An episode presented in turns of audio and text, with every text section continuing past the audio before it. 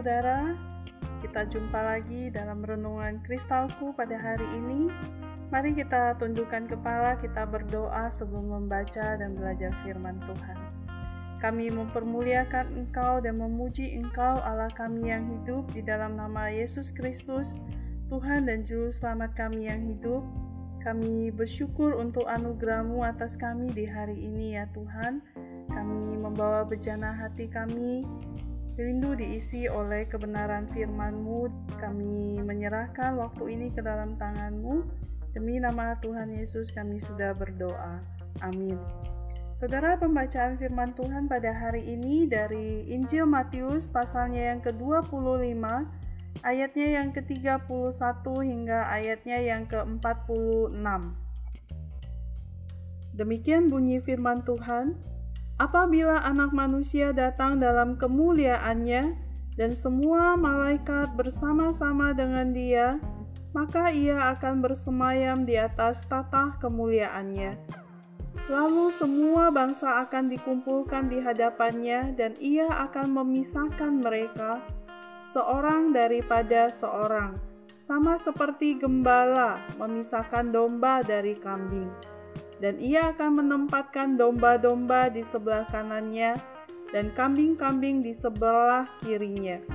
Dan raja itu akan berkata kepada mereka yang di sebelah kanannya, Mari, hai kamu yang diberkati oleh Bapakku, terimalah kerajaan yang telah disediakan bagimu sejak dunia dijadikan. Dan raja itu akan berkata kepada mereka yang di sebelah kanannya, Mari, hai kamu yang telah diberkati oleh Bapakku, terimalah kerajaan yang telah disediakan bagimu sejak dunia dijadikan. Sebab ketika aku lapar, kamu memberi aku makan. Ketika aku haus, kamu memberi aku minum. Ketika aku seorang asing, kamu memberi aku tumpangan. Ketika aku telanjang, kamu memberi aku makanan Ketika aku sakit, kamu melawat aku. Ketika aku di dalam penjara, kamu mengunjungi aku.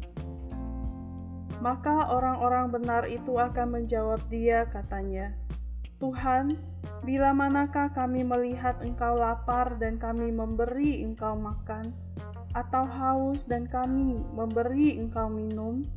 Bila manakah kami melihat Engkau sebagai orang asing?" Dan kami memberi engkau tumpangan, atau telanjang, dan kami memberi engkau pakaian?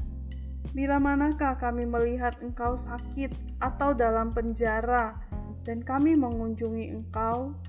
Dan raja itu akan menjawab mereka, Aku berkata kepadamu, sesungguhnya segala sesuatu yang kamu lakukan untuk salah seorang dari saudaraku yang paling hina ini, kamu telah melakukannya untuk aku. Dan ia akan berkata juga kepada mereka yang di sebelah kirinya, Enyalah dari hadapanku, hai kamu orang-orang terkutuk, enyalah ke dalam api yang kekal, yang telah sedia untuk iblis dan malaikat-malaikatnya. Sebab ketika aku lapar, kamu tidak memberi aku makan, dan ketika aku haus, kamu tidak memberi aku minum Ketika aku seorang asing, kamu tidak memberi aku tumpangan. Ketika aku telanjang, kamu tidak memberi aku pakaian. Ketika aku sakit dan dalam penjara, kamu tidak melawat aku. Lalu mereka pun akan menjawab dia, katanya, Tuhan, bila manakah kami melihat engkau lapar, atau haus, atau sebagai orang asing, atau telanjang, atau sakit, atau dalam penjara, dan kami tidak melayani Engkau, maka ia akan menjawab mereka, Aku berkata kepadamu, sesungguhnya segala sesuatu yang tidak kamu lakukan untuk salah seorang dari yang paling hina ini, kamu tidak melakukannya juga untuk aku dan mereka ini akan masuk ke tempat siksaan yang kekal, tetapi orang benar ke dalam hidup yang kekal. Sampai sejauh demikian pembacaan firman Tuhan. Saudara, tema kita hari ini adalah membangun kepedulian.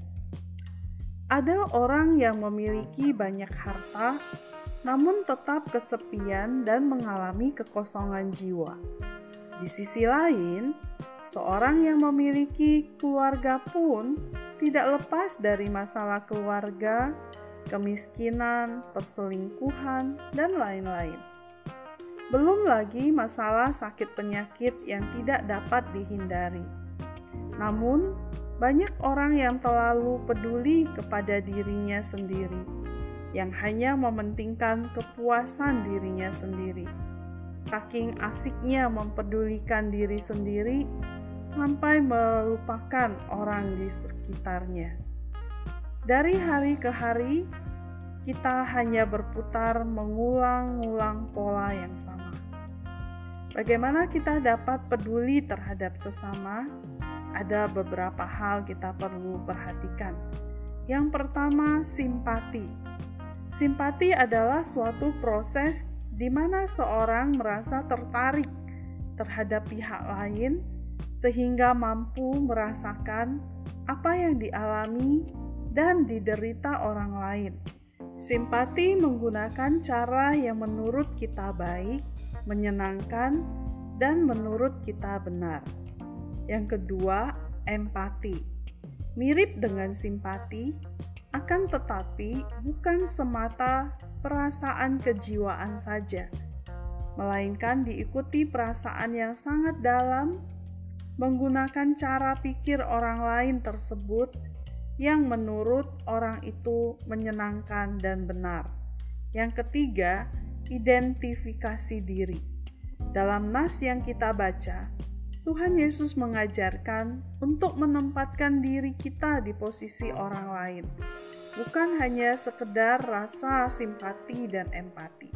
Yang keempat, lakukan. Niat saja tidak cukup kalau tidak diikuti oleh tindakan nyata kita.